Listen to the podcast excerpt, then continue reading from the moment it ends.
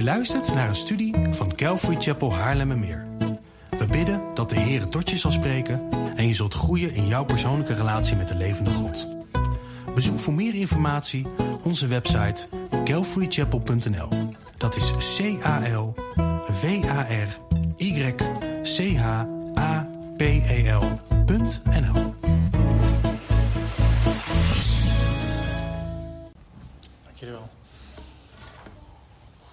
Sla jullie Bijbels alsjeblieft open op Filemon. Twee weken geleden zijn we samen begonnen met de brief aan uh, Filemon. En zoals ik toen gezegd heb, gaan we in drie weken samen de brief doornemen. En de eerste week hebben we gekeken naar de, vooral gekeken naar de context en de achtergrond. In wat voor omstandigheden Paulus verkeerde als gevangene in Rome toen hij de brief schreef. En hoe het kon dat hij zichzelf gevangene van Christus noemde, terwijl hij eigenlijk gevangene van Rome was. En vorige week zijn we in de huid van Filemon gekropen om te kijken wat hij moest vergeven en hoe. En we bekijken Filemon uiteindelijk vanuit drie invalshoeken. De eerste hebben we dus twee weken geleden gedaan, is die vanuit Paulus, een gevangene in Rome die een nieuwe broeder krijgt en weer moet loslaten. Het tweede perspectief is dat van Filemon. Een trouwe christen hebben we gelezen. En die zijn vertrouwen gegeven heeft aan Onesimus, maar die bedrogen werd en moest vergeven. En vandaag gaan we kijken naar Onesimus, een slaaf die verlangde naar vrijheid, maar het zocht op de verkeerde plekken, maar uiteindelijk zijn vrijheid vindt in Christus. En de titel van de boodschap van vandaag is De vrijheid van Onesimus. Voor we de tekst induiken, eerst nog een keer een uh, kort overzicht van Filemon. De brief aan Filemon vertelt het verhaal van een weggelopen slaaf, Onesimus. En Onesimus die diende bij Filemon en zijn gezin thuis in Colosse. En Filemon was een trouwe christen. Christenen kwamen samen bij Filemon thuis, dus hadden een thuisgemeente.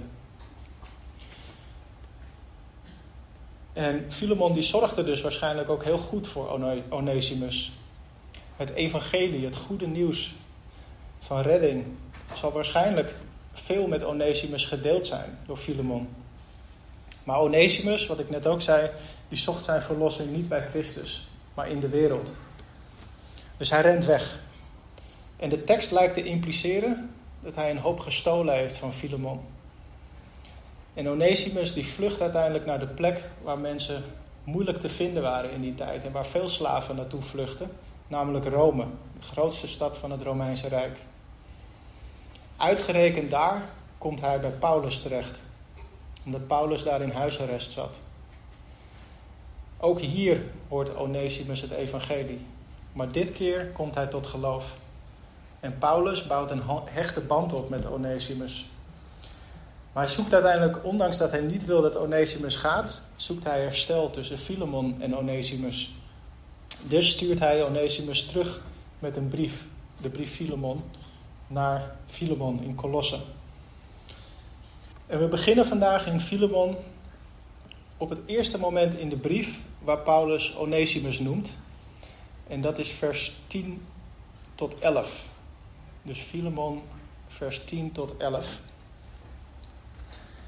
En daar staat: Ik doe een beroep op u ten behoeve van mijn zoon, die ik heb voortgebracht toen ik in boeien geslagen was, namelijk Onesimus. Hij was voorheen voor u van geen nut, maar nu is hij voor u en voor mij van veel nut. Ik heb hem teruggestuurd. Dus Paulus die introduceert hier Onesimus. En net als vorige week toen we keken naar de naam Filemon, kijken we nu ook naar de naam Onesimus. En de betekenis van die naam, die betekent voordelig, bevorderlijk of nuttig. Dus Paulus die speelt hier een beetje met woorden. Want Onesimus betekent nuttig. Dus hij zegt hier eigenlijk nuttig, die voorheen voor u van geen nut was, is nu echt nuttig geworden. Iets verderop, in de versen 15 en 16, lezen we nog iets meer over Onesimus. Want daar staat, want hij is wellicht daarom enige tijd van u gescheiden geweest, opdat u hem voor eeuwig zou terughebben. Niet meer als een slaaf, maar als meer dan een slaaf. Namelijk een geliefde broeder. Was hij dat in het bijzonder voor mij? Hoeveel te meer zal hij het voor u zijn, zowel in het vlees als in de Here. Dus hier leren we dat Onesimus een slaaf was en dat hij diende bij Filemon en zijn gezin thuis. En belangrijk om ons dan te kunnen verplaatsen in Onesimus is dat we ook begrip krijgen voor wat een slaaf dan was in die tijd. In wat voor context hij zich begeefde. Of begaf, sorry. Dus we gaan nu eerst kijken naar wat verstaan we dan onder slaaf. In de Vandalen, het woordenboek, vandaag de dag lezen we dat een slaaf iemand is die zichzelf en zijn werk in het geheel aan een ander toebehoort. Dus dit houdt in dat een slaaf absoluut eigendom uh, is van een meester. En dat hij volledig onder controle van een meester stond. Totale onderwerping van de slaaf. En de afwezigheid van vrijheid van de slaaf om zelf te kiezen. Om zelf keuzes te maken en dingen te doen. Dit zegt nog niets over hoe mensen slaaf werden. En dat ging op verschillende manieren in de geschiedenis. Eén manier is door oorlog, waar mensen tot slaaf werden gemaakt. Dus oorlog in een land en mensen werden weggevoerd om als slaaf te gaan dienen in het land wat de oorlog gewonnen had. Maar mensen worden ook soms op een andere manier gedwongen tot slavernij. Je hebt ook mensen, of had je in die tijd, die zichzelf als slaaf verkochten om hun schulden af te betalen. Dus mensen die hoge schulden hadden opgebouwd, die konden slaaf worden en daarmee werd de prijs van hun schuld werd betaald door de nieuwe meester. En tot slot had je nog mensen die vrijwillig slaaf werden in ruil voor eten en een verblijfsplaats. Maar er bestond in die tijd al een groot verschil tussen de Joodse vorm van slavernij en de Romeinse vorm van slavernij. En wij in ons denken koppelen daar natuurlijk nu ook de slavernij van de nieuwe wereld aan vast. De slavernij in Amerika bijvoorbeeld. We gaan kijken naar deze drie verschillende vormen van slavernij. De eerste is de Joodse vorm. En in Israël was vroeger de, de economie, dus hoe rijk een land was, was niet afhankelijk van slavernij. Slaven die deden vooral ongeschoold werk, zoals huishouden uh, bij mensen thuis. En in huis hadden mensen in Israël soms zowel uh, Joodse of uh, mogelijk niet-Joodse slaven. Dus daar stond, bestond ook nog een verschil tussen. Maar een belangrijk onderscheid was wel dat Joodse slaven vaak doordat ze heel arm waren of dat ze schulden hadden opgebouwd, uh, vrijwillig kozen voor, uh, voor slavernij. De niet-Joodse bevolking, dus de heidenen in Israël, die slaaf werden, werden dat vaak onvrijwillig. Er waren allerlei wetten voor slaven. En die kunnen we ook teruglezen in Exodus, Leviticus, uh, Deuteronomium. Maar je ziet dat het Joodse volk op een goede manier moest omgaan met slaven. Want de wetten die we daar lezen, die waren voor bescherming van slaven. Een aantal voorbeelden waren dat, of zijn, dat een slaaf die lichamelijk letsel had opgelopen, die moest worden vrijgelaten door zijn meester of haar meester. Slaven moesten behandeld worden zoals betaalde werkers. Slaven konden ook vaak meedoen aan de, uh, de feestdagen, de Shabbat bijvoorbeeld. Daar moesten ze zelfs aan meedoen. En er was nog een wet dat een slaaf uit Israël die in het buitenland een meester had en daar diende, dat hij asiel moest krijgen in Israël als hij vluchtte voor die meester. Dus stel dat die meester niet goed zorgde voor de slaaf, dan moest hij in, of zij in Israël asiel krijgen. Wat betekent dat ze daar gewoon weer een onderdak konden krijgen en beschermd zouden worden tegen de buitenlandse meester. En Joden worden ook opgeroepen om te onthouden wat hun zelf gebeurd is in de geschiedenis in Egypte. in Exodus kunnen we dat lezen, hè? dat het Joodse volk daar zelf uh, slaaf, in de slavernij hebben gezeten en op een verschrikkelijke manier behandeld zijn. Ehm, ja, en ik denk dat daarom de Joden veel beter zorgden voor slaven dan de Romeinen, waar we nu over gaan, uh, waar we het nu over gaan hebben. Er was zelfs bij de Joden vaak vriendschap en vertrouwen tussen Jood en slaaf. In Romeinen was eh, Rome was dat iets anders, want slaven waren daar een groot deel van de bevolking. En die werkten in alle functies van de, van de maatschappij. Het land, het Romeinse Rijk, was volledig gebouwd op slaven. Dus de economie was daar ook van afhankelijk, de, rijkdom in het land. En slaven werden eigenlijk veel meer gezien als vee. Dus je kon slaven kopen, je kon ze huren en je kon ze verkopen. En er was een belangrijke wet in Rome, die heette Dominium. Wat betekende dat er een absoluut eigenaarschap van de meester was. Dus er was geen beperking in wat de meester mocht beslissen voor de slaaf. Er was slechts één wet voor een recht van slaven om deel te nemen aan bijeenkomsten. Maar die wet die gold alleen als de meester het toestond. Dus zo beperkt was dat al. Slaven die wegrenden, stond een hele zware straf te wachten. We hebben het vorige week ook al een beetje over gehad. Maar een voorbeeld is dood door kruisiging. Een ander voorbeeld is dat ze een slaaf met een, uh, een F brandmerkte op hun hoofd. En de F, ik weet, het exacte woord niet in het uh, Romeins, maar iets van een fugitieve uh, ja, vluchteling, zeg maar. Dus daar was die F dan voor. Het lijkt er wel op, als we kijken naar de geschiedenis, dat in de provincie waar Colosse lag, dus waar Filemon woonde en waar Onesimus vandaan kwam, die straf over vervolging van een, slaaf die wegliep, niet bij wet was vastgelegd. Dus het was niet zo dat Paulus de wet brak door Onesimus uh, terug te sturen naar Filemon. Slaven waren duur. Ze waren een kostbaar bezit. En een slaaf die wegrende, dat was ook heel duur. Want er moest vaak een slavenvanger worden ingehuurd, die weer op zoek ging naar de slaaf om die terug te halen. En dat kostte ook geld. Het was ook verboden voor mensen om uh, slaven die weggelopen waren onderdak te bieden. En het leverde vaak veel zorgen op voor de meester van een slaaf.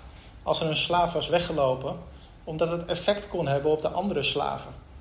Daarom werden er ook zulke harde straffen toegepast. Om te, zoveel mogelijk te ontmoedigen dat ze zouden weglopen, omdat het zoveel geld kostte als dat gebeurde. Ja, en als we dit zo doornemen, dan plaatst het ook de vergeving en wat van Filemon gevraagd werd weer in een ander daglicht. Want het ging voor hem over heel veel uh, geld en een groot effect mogelijk op de andere slaven die in huis dienden bij Filemon. Nou, voor ons het meest recente is natuurlijk de slavernij in de nieuwe wereld. En dat was wel de allerergste vorm van slavernij. Waar slaven onder Rome nog wel een recht hadden in ieder geval. En waar ze actief mochten zijn in alle delen van de samenleving, was dat in de nieuwe wereld totaal niet het geval. Dit was de meest erge vorm van slavernij. Slaven hadden totaal geen rechten, werden verschrikkelijk behandeld en is natuurlijk een grote schande geworden voor de westerse samenleving.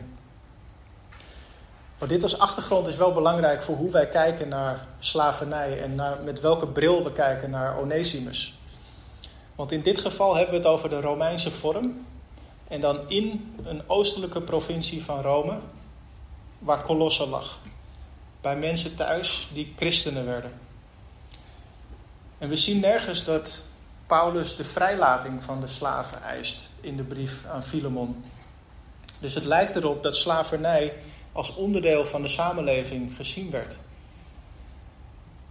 En ik denk dat we daar ook uit kunnen leren dat Jezus kwam om de oorzaak van het probleem op te lossen en niet de uitingen van het probleem. Dus de boodschap die Jezus kwam brengen is dat het probleem in ons allemaal zit. En dat ons hart moet veranderen. hoe we met elkaar omgaan, vloeit voort uit ons hart. Dat is het probleem waar we mee te maken hebben. Op verschillende plekken in het Nieuwe Testament wordt er gesproken over slaven. Zowel christenen als niet-christenen konden slaven hebben in die tijd. Maar er staan wel hele duidelijke geboden. Dat we onze naasten moeten liefhebben. En dat geldt niet anders voor slaven dan voor niet-slaven. Of gold niet anders voor slaven dan voor niet-slaven.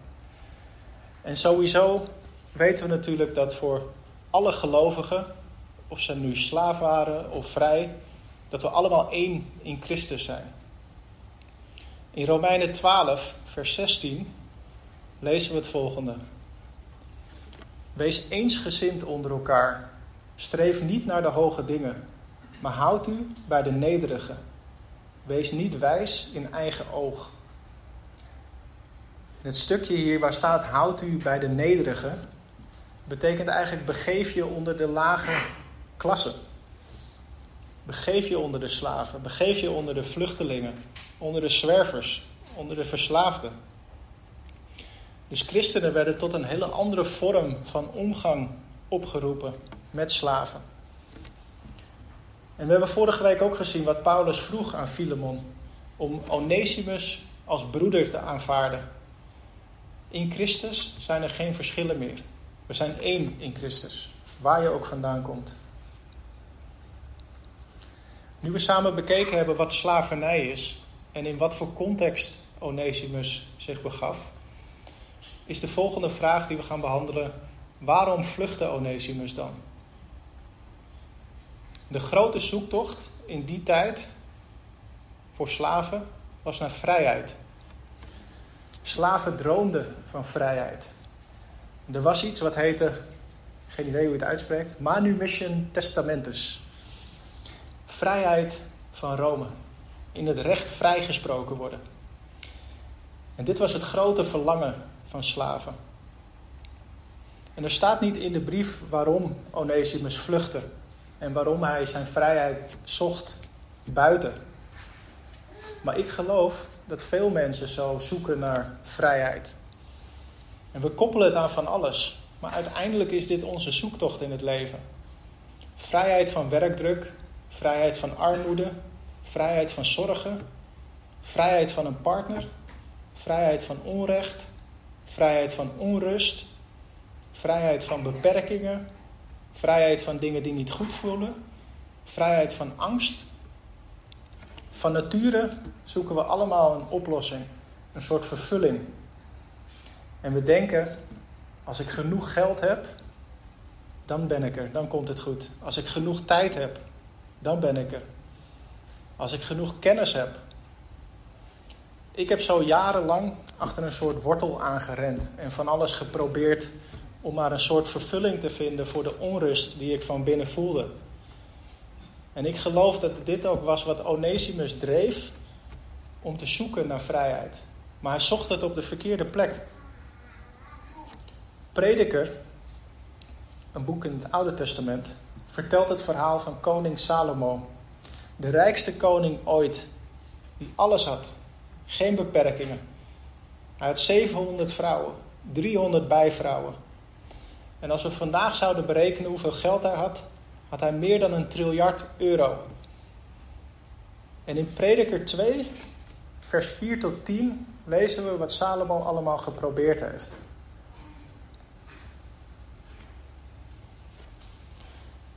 Want daar staat Prediker 2, vers 4 tot 10. Ik heb voor mijzelf grootste dingen tot stand gebracht. Ik bouwde mij huizen. Ik plantte mij wijngaarden. Ik legde mij tuinen en boomgaarden aan en plantte daarin allerlei vruchtbomen. Ik legde mij waterbekkens aan om daaruit een bos met jonge bomen te bevochtigen. Ik verwierf slaven en slavinnen en de in huis geboren kinderen behoorden mij toe. Ook had ik grote kudde runderen en klein vee, meer dan alle die voor mij in Jeruzalem geweest zijn. Ik vergaarde mij ook zilver en goud, kostbaarheden van koningen en gewesten. Ik zorgde voor zangers en zangeressen en de genoegens van de mensenkinderen, genot in overvloed. Ik werd groter en nam toe. meer dan alle die voor mij in Jeruzalem geweest zijn. Ook bleef mijn wijsheid bij mij. Al wat mijn ogen verlangden, onthield ik ze niet. Ik ontzegde mijn hart geen enkele blijdschap. Want mijn hart werd verblijd vanwege al mijn zwoegen. Dat was mijn deel voor al mijn zwoegen. Deze man die had alles. Ieder verlangen wat hij kon bedenken, heeft hij kunnen vervullen. Maar in vers 2, in hetzelfde hoofdstuk, dus iets daarvoor, dat ze hebben net overgeslagen, begint hij met zijn conclusie van wat dit allemaal gebracht heeft. Dus prediker 1 vers 2, daar staat een en al vluchtigheid, zegt prediker. Een en al vluchtigheid. Alles is vluchtig. We kunnen eindeloos blijven zoeken. Maar in ons hele leven is alles vluchtig. En vluchtig betekent dat het zo voorbij is. Maar het betekent ook leeg. Betekent betekenisloos. Zelfs als we zoals Salomo alle dingen doen waar onze verlangens naar uitgaan, is er een punt dat we iets behaald hebben? Is er dan een punt dat het genoeg is? En wat als we sterven? Laten we dan iets moois achter op ons grafsteen? Leven we door in herinneringen? Wat voor nut heeft het dan nog? Nee, het echte effect van wat Salomo allemaal onderzocht heeft, dat lezen we iets verder in Prediker hoofdstuk 2, vers 17. Waar staat: Daarom haatte ik het leven, want het werk dat plaatsvindt onder de zon leek mij kwaad. Het is immers alles vluchtig en najagen van wind. Als wij invulling geven aan onze verlangens, dan is het even plezierig. Dat is gewoon hoe het is met de zonde. Maar we betalen het altijd weer terug op een manier. Hier lezen we het getuigenis van iemand die alles had, die alles geprobeerd heeft. Maar hij haatte het leven, staat hier. Het bracht hem tot wanhoop. Niets gaf hem vervulling. Ieder glas wijn leidde tot verlangen naar een volgend glas wijn. Iedere vrouw tot verlangen naar een volgende. Wij kunnen om ons heen kijken en mensen zien met dikke auto's een villa. En we kunnen denken van, die hebben geen zorgen. Die hebben het goed. En als ik dat bereik, is het voor mij ook goed. Maar hier lezen we dat het niet tot geluk leidt. Het is nooit genoeg. Het is het najagen van de wind. Maar misschien keek Onesimus ook op deze manier naar Filemon. Ging zijn verlangen uit naar de vrijheid die hij zag in Filemon. Maar zocht hij het uiteindelijk in de verkeerde dingen? Misschien dacht hij dat de vrijheid die hij in Filemon zag, kwam door zijn geld en zijn luxe. Dus dat was uiteindelijk Onesimus' zoektocht naar vrijheid. Maar het contrast tussen slaaf en vrijheid komt heel veel terug in de Bijbel. En we gaan nu samen kijken naar wat voorbeelden daarvan en wat de Bijbel dan zegt over slaaf en vrijheid. Op verschillende plekken in het Nieuwe Testament wordt een vergelijking gemaakt tussen de slaaf en de vrije mens. Jezus zei zelf het volgende in Johannes 8, vers 30 tot 34. Johannes 8, vers 30 tot 34. Toen hij deze dingen sprak, geloofden velen in hem. Jezus dan zei tegen de Joden die in hem geloofden: Als u in mijn woord blijft, bent u werkelijk mijn discipelen. En zult u de waarheid kennen. En de waarheid zal u vrijmaken. Zij antwoordden hem: Wij zijn Abrahams geslacht en we zijn nooit slaaf van iemand geweest. Hoe kunt u dan zeggen: U zult vrij worden? Jezus antwoordde hun: Voorwaar, voorwaar. Ik zeg u: ieder die de zonde doet, is een slaaf van de zonde. Iets hiervoor heeft Jezus net geclaimd dat hij het licht van de wereld is en dat God zijn vader is. En dit resulteerde in allerlei twistgesprekken met de Joodse wetgeleerden, de Fariseërs. Maar uiteindelijk zijn daar net allerlei Joden gaan geloven wat Jezus zei.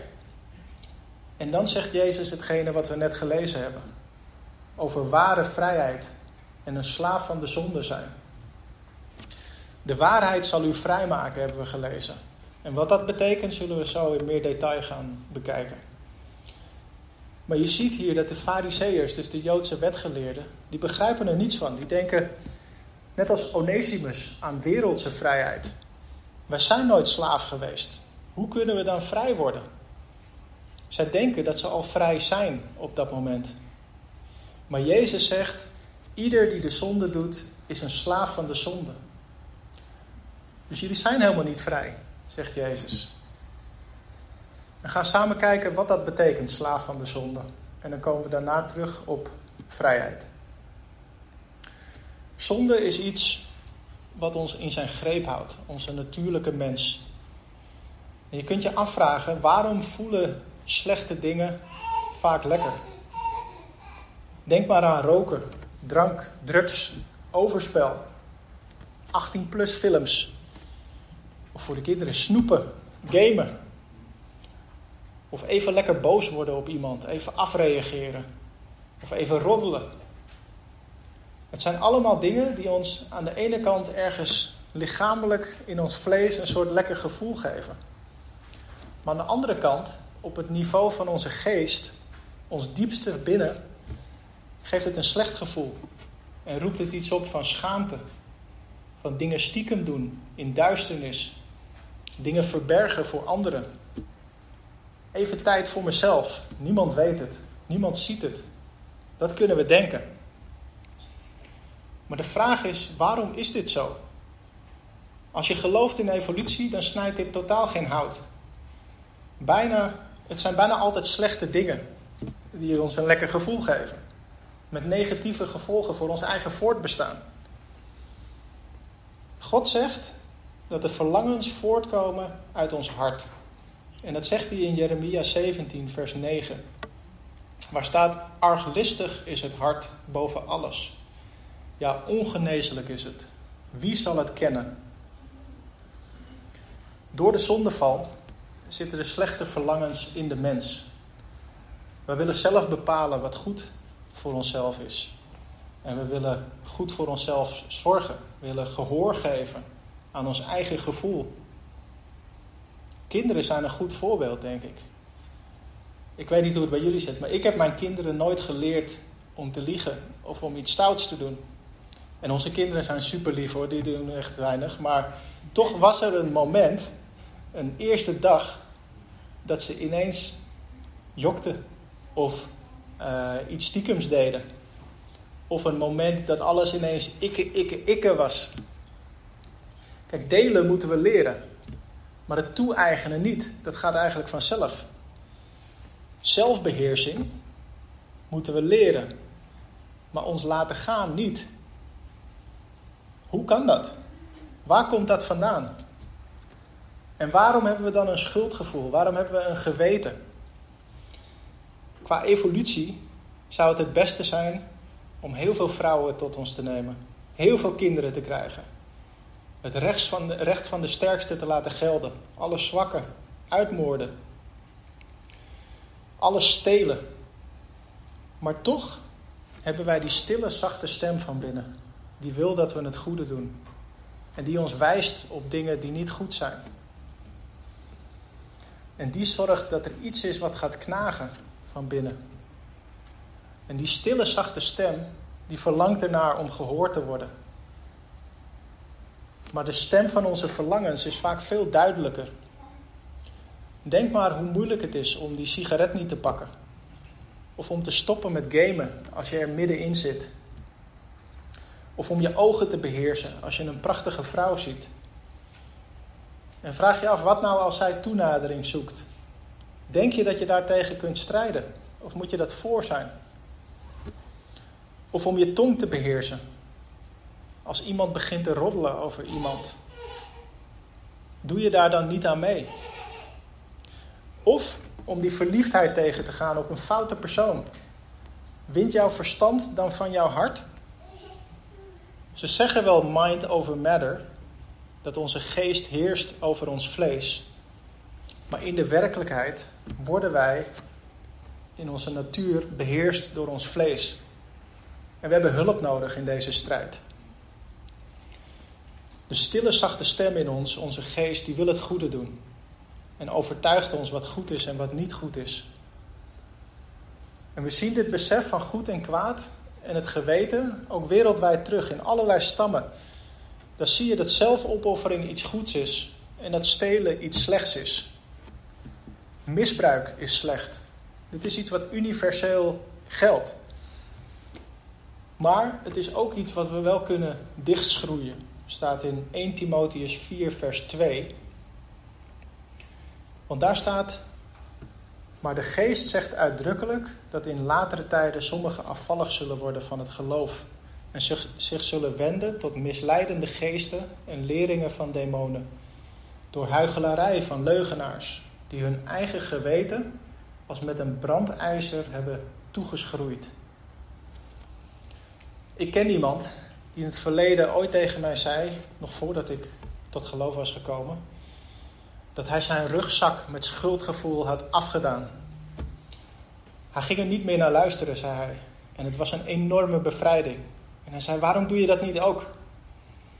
En ik denk dat dit precies is wat hij deed. Door zijn geweten te negeren, kwam er als het ware littekenweefsel op zijn geweten, waardoor die stem steeds zachter is geworden. En uiteindelijk het geweten een soort van dichtgeschroeid is, waardoor je het gewoon niet meer hoort en er niet door wordt lastiggevallen, werelds gezien dan. In de geschiedenis zie je dat dit ook gebeurd is. Bijvoorbeeld in Rome, waar natuurlijk verschrikkelijke dingen gebeurd zijn. Hoe ze daar omgingen met mensen en met kinderen. Ze deden in alles wat goed voelde. En ze gaven toe aan de meest duistere en bizarre verlangens van hun hart, zonder nog te luisteren naar hun geweten. In oorlog zien we ook vaak dat mensen vervallen in slechtheid, omdat de regels wegvallen. Zoals vorige week hebben we gezien hoe Manasse zoveel slechtheid invoerde.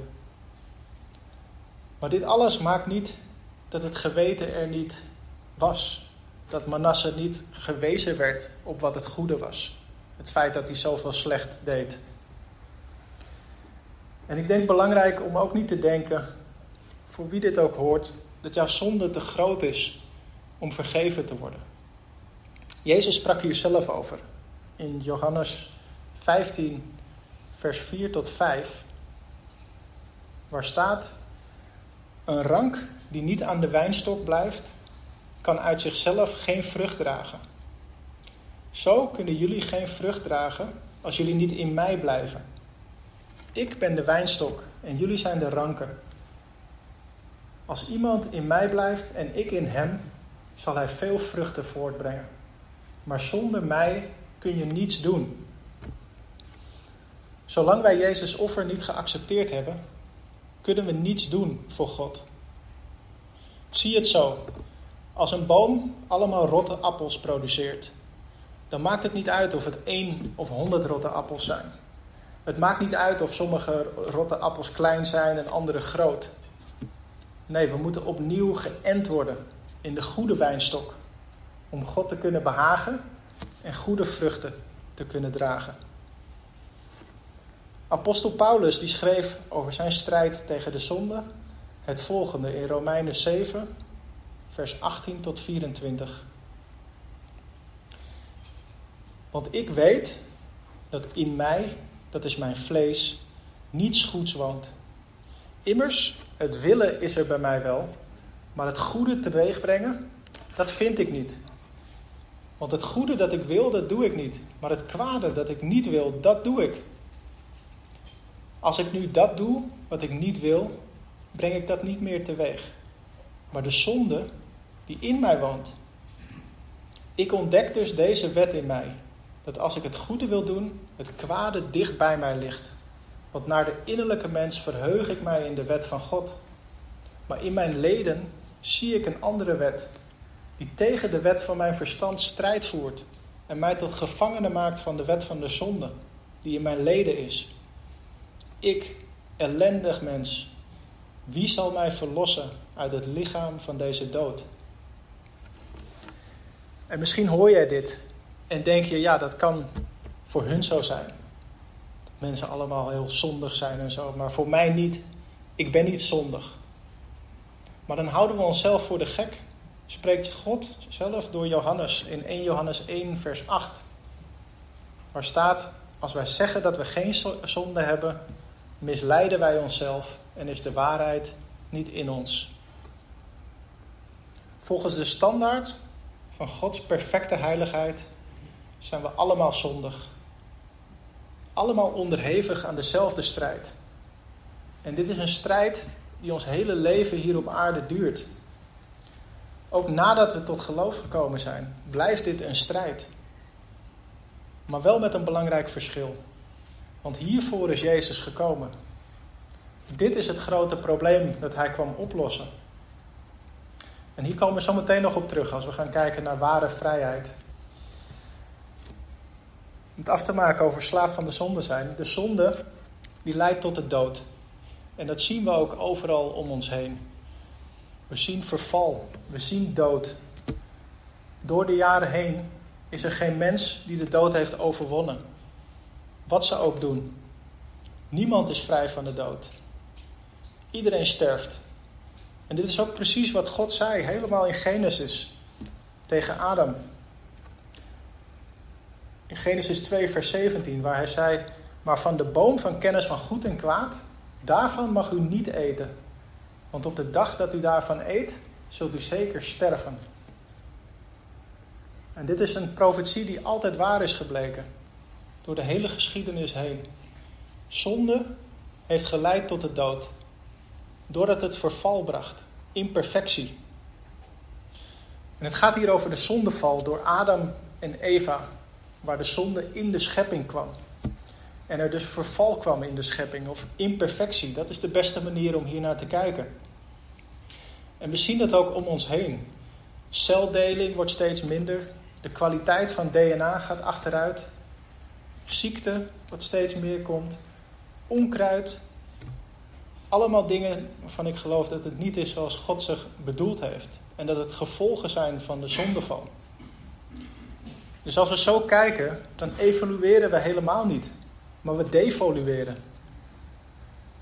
En Paulus schreef ook over de zonde die tot de dood leidt in Romeinen 6, vers 23, waar hij schrijft: Want het loon van de zonde is de dood, maar de genadegave van God is eeuwig leven door Jezus Christus, onze Heer.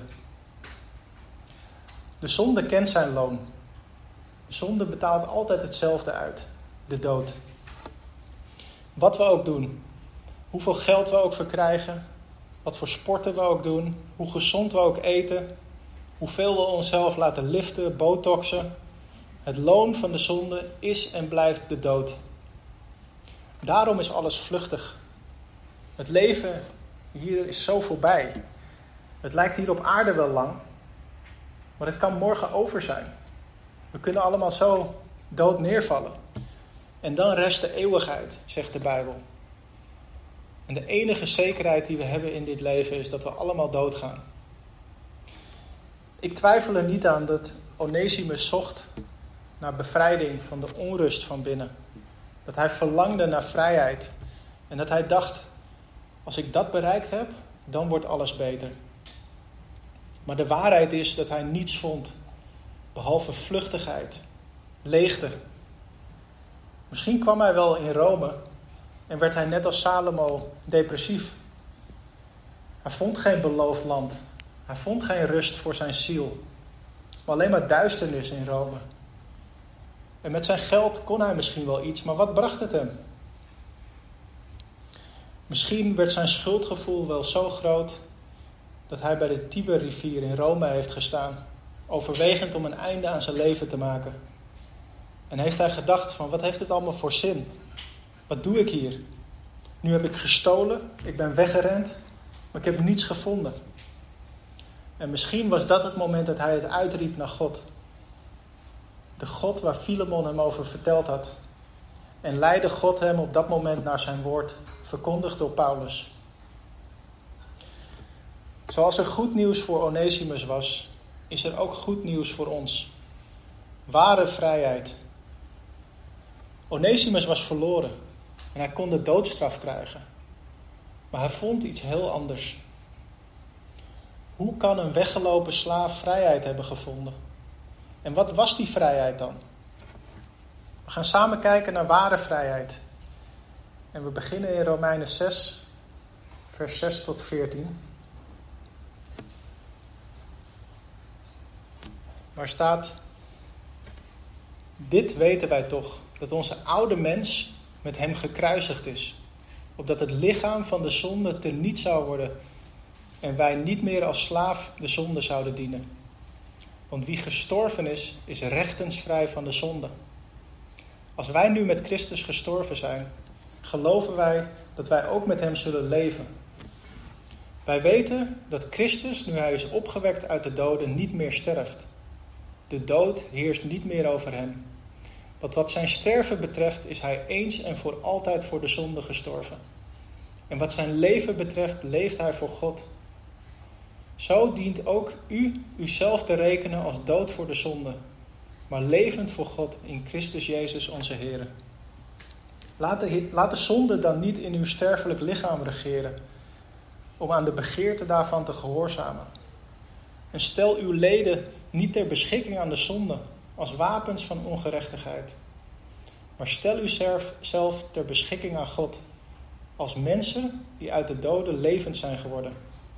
En laat uw leden wapens van gerechtigheid zijn voor God. Want de zonde zal over u niet heersen. U bent namelijk niet onder de wet, maar onder de genade. De oude mens is de mens die de zondige natuur geërfd heeft van Adam. En de wet, dus de geboden van God, laten zien wat de rechtvaardige standaard van God is. Maar de wet kan de mens niet op eigen kracht veranderen. En de oude mens kan op zichzelf ook niet, voldoen om, of aan de rechtvaardige standaard van God. En we hebben het net gehad over de loon van de zonde, dat dat de dood is. De oude mens, die moet sterven. En dat is wat er gebeurt op het moment dat wij tot geloof komen. Onze oude mens sterft met Jezus aan het kruis. En dit natuurlijk niet letterlijk, maar Jezus doet dit wel op een geestelijke manier, door zijn offer. Want Jezus gaf zijn leven aan het kruis. En hij stierf voor eens en altijd. Hij droeg de straf voor de zonde. En hij overwon de dood in zijn herrijzing. En als wij zijn offer accepteren, dan identificeren we ons met hem. En sterven we aan onszelf door ons leven als het ware aan Jezus te geven. Het is als het ware zeggen: Ik wil deze zondige natuur niet meer. Help mij, Jezus. En hierdoor wordt ons oude vlees gekruisigd met Christus. En als we zijn offer accepteren, worden wij opnieuw geboren. Op een geestelijke manier. En herreizen wij op een geestelijke manier met Jezus. En worden wij een nieuw mens, een nieuwe schepping. De profeet, of God zei eigenlijk door de profeet Ezekiel, al jaren voordat Jezus überhaupt op de aarde rondliep, dat hij dit zou gaan doen. En dat staat in Ezekiel 36, vers 26 tot 27. Waar staat: Ik zal jullie een nieuw hart en een nieuwe geest geven. Ik zal jullie, of je versteende hart, uit je lichaam halen en je er een levend hart voor in de plaats geven. Ik zal jullie mijn geest geven en ervoor zorgen dat jullie je aan mijn bepalingen houden en mijn regels naleven. Dus hij geeft ons een nieuw hart, een hart van vlees en bloed in plaats van van steen. En hierdoor willen we anders leven. We worden letterlijk van binnenuit veranderd. Charles Spurgeon, de prins der predikers wordt hij wel genoemd, uit de jaren 1800 volgens mij, een groot predikant. Die heeft ooit een voorbeeld genoemd, wat mij altijd is bijgebleven. Want hij noemde de zonde voor de ongelovigen is als de zee. We zwemmen erin, maar we voelen het gewicht van de zonde niet. Op het moment dat we tot geloof komen en dit nieuwe hart krijgen, is het alsof we een bad nemen met dat water en op ons hoofd zetten en meedragen. Dus het gewicht van de zonde wordt veel duidelijker.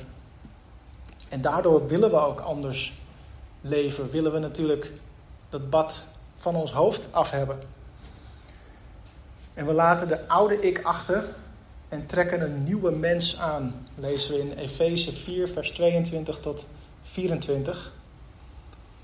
Geef dus uw vroegere levenswandel op en leg de oude mens af, die ten gronde gaat aan de bedriegelijke begeerte.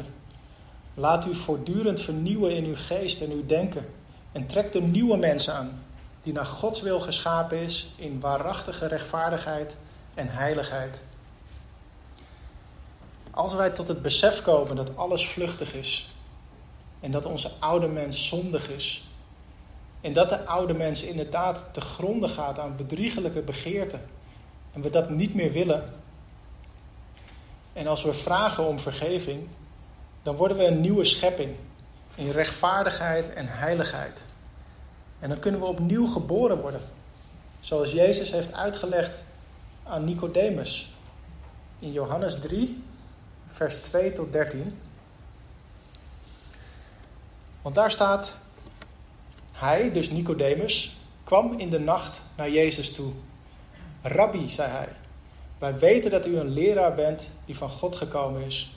Want alleen met Gods hulp kan iemand de tekenen verrichten die u verricht. Jezus zei: Werkelijk, ik verzeker u, alleen wie opnieuw wordt geboren, kan het koninkrijk van God zien. Hoe kan iemand geboren worden als hij al oud is? vroeg Nicodemus. Hij kan toch niet voor de tweede keer de moederschoot ingaan en weer geboren worden? En Jezus antwoordde: Werkelijk, ik verzeker u, niemand kan het koninkrijk van God binnengaan, tenzij hij geboren wordt uit water en geest. Wat geboren is uit een mens is menselijk, en wat geboren is uit de geest is geestelijk. Wees niet verbaasd dat ik, jullie, dat ik zei dat jullie opnieuw geboren moeten worden. De wind waait waarheen hij wil. Je hoort zijn geluid, maar je weet niet waar hij vandaan komt. En je weet niet waar hij heen gaat. Zo is het ook met iedereen die uit de geest geboren is. Maar hoe dan? vroeg Nicodemus. Begrijpt u dit niet, zei Jezus, terwijl u een leraar van Israël bent? Werkelijk, ik verzeker u, wij spreken over wat wij weten en we getuigen van wat we gezien hebben. Maar jullie accepteren ons getuigenis niet. Wanneer jullie me niet geloven als ik over aardse dingen spreek, hoe zouden jullie me dan geloven als ik over hemelse dingen spreek? Er is toch nooit iemand opgestegen naar de hemel, behalve degene die uit de hemel is neergedaald, de mensenzoon. In de geschiedenis is er nooit iemand geweest die neergedaald is uit de hemel, behalve Jezus. En die alles heeft uitgelegd. Maar toen gebeurde wat denk ik nu ook zou gebeuren als iemand claimt dat hij uit de hemel is neergedaald is dat het niet direct geloofd wordt. Het eerste wat je denkt is: oh ja, oké, die, die heeft zijn knikkers niet helemaal op een rijtje. Dat gaat niet goed. Maar Jezus is anders, want hier zegt zelfs een Joodse wetgeleerde, die op basis van wat Jezus zei geen enkele reden had om Jezus te geloven, eerder het omgekeerde, dat hij gelooft dat Jezus van God kwam door de tekenen die hij deed. Er zijn heel veel getuigenissen over Jezus' tijd hier op aarde ooggetuigen. Mensen die hun leven hebben gegeven voor de claim dat het waar is. Archeologisch bewijs.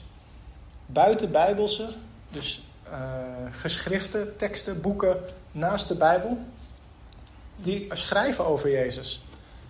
Alles toont aan dat Jezus op de aarde was. Dat Jezus wonderen deed. En dat Jezus gekruisigd is. En dat zijn volgelingen stuk voor stuk hun leven hebben gegeven voor de claim dat het waar is. En dat er goed nieuws is. Dat we opnieuw kunnen beginnen. Dat we een nieuwe kans kunnen krijgen. Een frisse start. Door zijn offer aan het kruis kunnen wij opnieuw geboren worden, geestelijk gezien. En bevrijd worden van de greep van de zonde hier op aarde. En nieuw leven ontvangen. Als kind van God, geadopteerd in Gods huishouden. Geen angst meer voor de dood, wetende waar we naartoe gaan. En Paulus schreef hier ook over aan de Corinthiërs. in 2 Korintiërs 5, vers 17. Daarom ook is iemand die één met Christus is een nieuwe schepping. Het oude is voorbij en het nieuwe is gekomen. Het oude is voorbij, het nieuwe is gekomen. Alles achterlaten, een nieuwe start, een schone lei, vergeving voor zonde en opnieuw beginnen met God. Ik ben God zo dankbaar voor het nieuwe dat gekomen is. Hij heeft alles in mij veranderd, van binnenuit. Ik kan niet verklaren waarom ik van de ene op de andere dag ineens anders wilde leven. Ik kan niet verklaren waarom ik weet dat ik naar de hemel ga. Maar God bevestigt het door zijn woord, keer op keer, door de beloftes die hij daarin doet. Maar ook door ervaringen in mijn leven. Hij heeft zo vaak laten zien dat hij er echt is. Dat hij betrouwbaar is, dat hij goed is, dat hij rechtvaardig is. En hij veranderde mijn verlangens en mijn denken. En hij gaf mij rust, vrede voor mijn ziel. Hij nam angst weg voor de dood, omdat ik nu weet waar ik naartoe ga. dit is natuurlijk iets wat ik kan zeggen, maar het is iets wat we alleen zelf kunnen ervaren. Alleen wij hebben de sleutel voor ons eigen hart. En ik heb een keer dit goede nieuws, dit geweldige nieuws met iemand gedeeld. En diegene die reageerde toen, heel typisch, die zei: Ja, ik weet het ergens wel, maar ik hou gewoon te veel van mijn biertje om deze stap te nemen. En dat is wat de greep van de zonde doet. Het houdt ons voor de gek. Want als we deze stap nemen, verandert ons verlangen. Ik heb best wat eh, ervaring met het genot wat het leven biedt uit het verleden.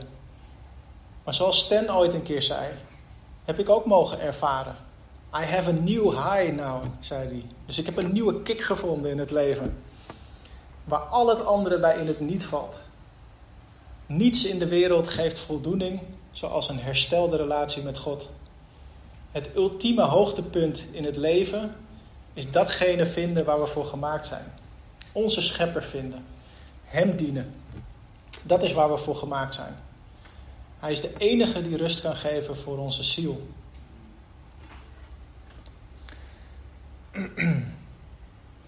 Dus we hoeven niet te blijven putten uit de put van onze verlangens en constant van genot naar genot te blijven streven.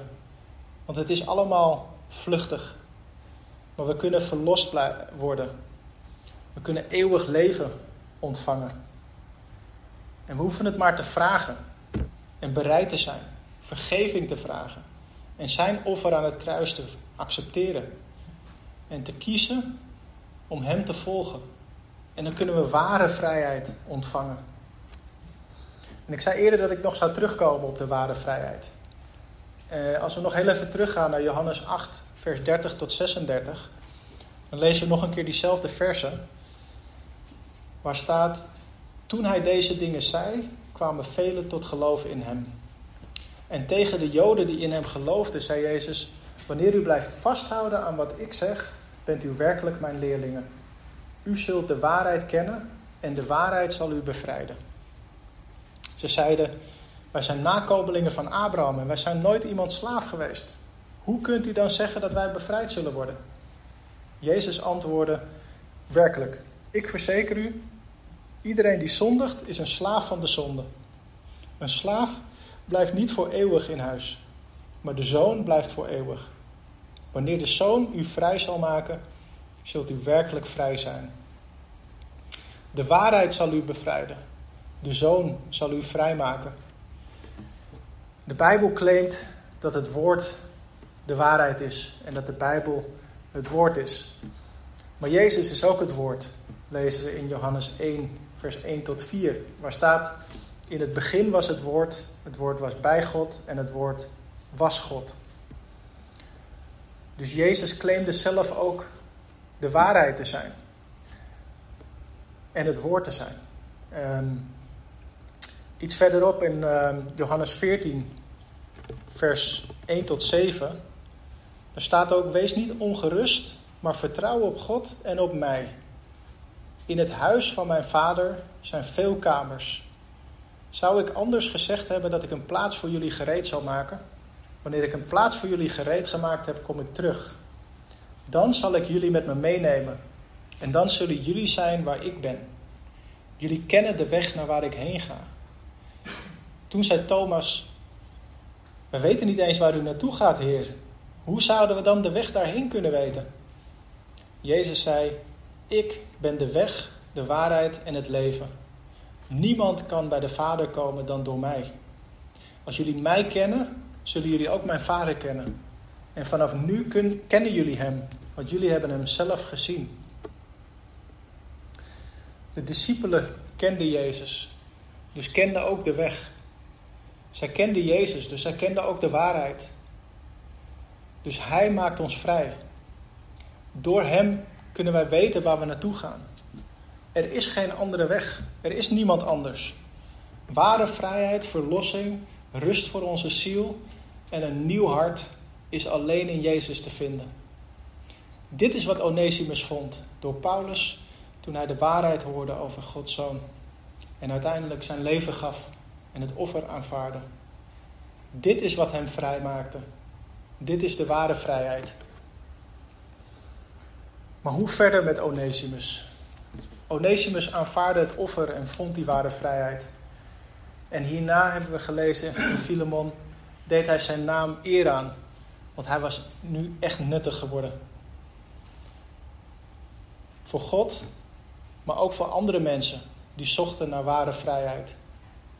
Er staat niet hoe het verder ging met Onesimus hierna, nadat hij terug naar Filemon ging.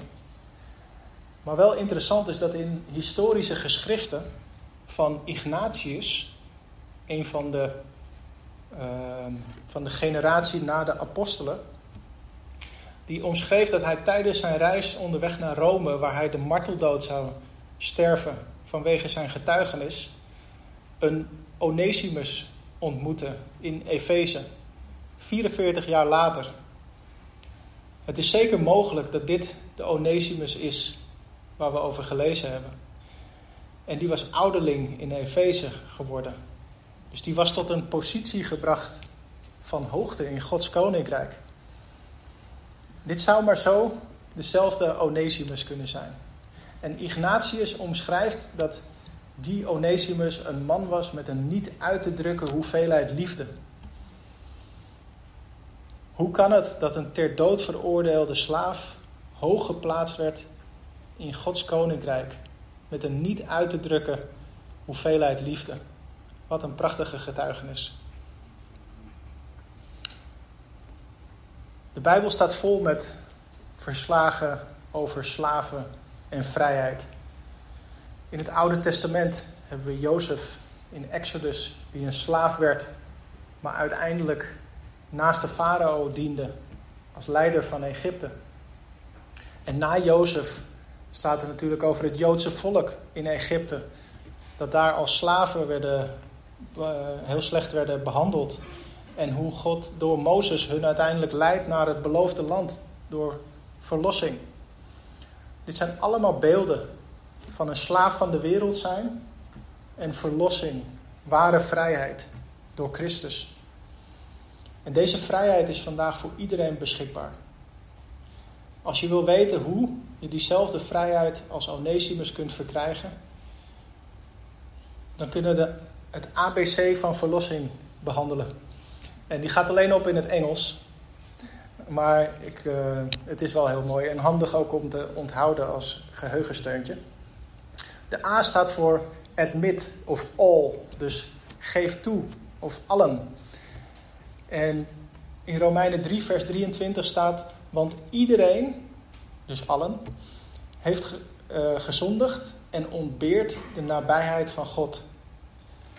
Wij zijn allemaal zondaars in het licht van de heilige God. Uit onszelf hebben we God niets te bieden. Denk terug aan die boom met die rotte vruchten. De boom moet eerst vernieuwd worden. En we moeten onszelf in dit licht gaan zien en toegeven dat we zien dat we zondaar zijn. De B staat voor believe, geloof. In Romeinen 10, vers 9 tot 10 staat: Als uw mond beleidt dat Jezus de Heer is en uw hart gelooft dat God hem uit de dood heeft opgewekt, zult u gered worden. Als uw hart gelooft, zult u rechtvaardig worden verklaard. Als uw mond beleidt, zult u worden gered. Vertrouw op Hem, geloof in je hart en dan zal je rechtvaardig worden verklaard. Beleid met je mond naar Hem toe dat Hij Heer is. Vraag vergeving. De C staat voor call of aanroepen. Romeinen 10, vers 13. Want er staat: Ieder die de naam van de Heer aanroept, zal worden gered. Het is een belofte. Iedereen die zijn naam aanroept, zal worden gered. Er is geen zonde te groot om vergeven te worden. Hoeven ons huis niet eerst op orde te maken voor we deze stap nemen. Niemand weet wat morgen brengt. We hebben hier tot onze laatste adem op aarde. Maar kijk wat Onesimus vond. Dat is ook voor jou te vinden. Laten we bidden. Ja, lieve Vader, dank u voor uw offer, Heer. Dank u dat u de straf droeg die wij verdienen, Heer. Dank u dat u de dood heeft overwonnen. Dat u bent opgestaan. En dank u dat wij met u kunnen opstaan, Heer. Dat we een nieuw mens kunnen worden. Wat een geweldig nieuws, Heer. U vergeef ons alstublieft waar we vergeving nodig hebben. Geef ons een nieuw hart, Heer, van vlees en bloed. Doe goede vrucht in ons groeien, Heer. Vrucht van liefde, van rechtvaardigheid. En help ons, Heer, om dit goede nieuws met de wereld te delen. Zoveel mensen zoeken naar vrijheid en leven in duisternis. Hebben geen idee waar ze naartoe gaan, Heer. Geen idee dat ze vastzitten in de greep van de zonde, Heer. Help ons om een licht te zijn voor die mensen, zodat ze U zullen gaan zien, Heer. En dat wij hun in de eeuwigheid weer mogen zien. Dat bidden we in Jezus' naam alleen. Amen. Dus uh, voor wie gebed wil, we hebben allemaal gebed nodig. Staan er zo mensen aan de achterkant. Dus uh, voel je vrij om daar op af te stappen en ook gebed te vragen.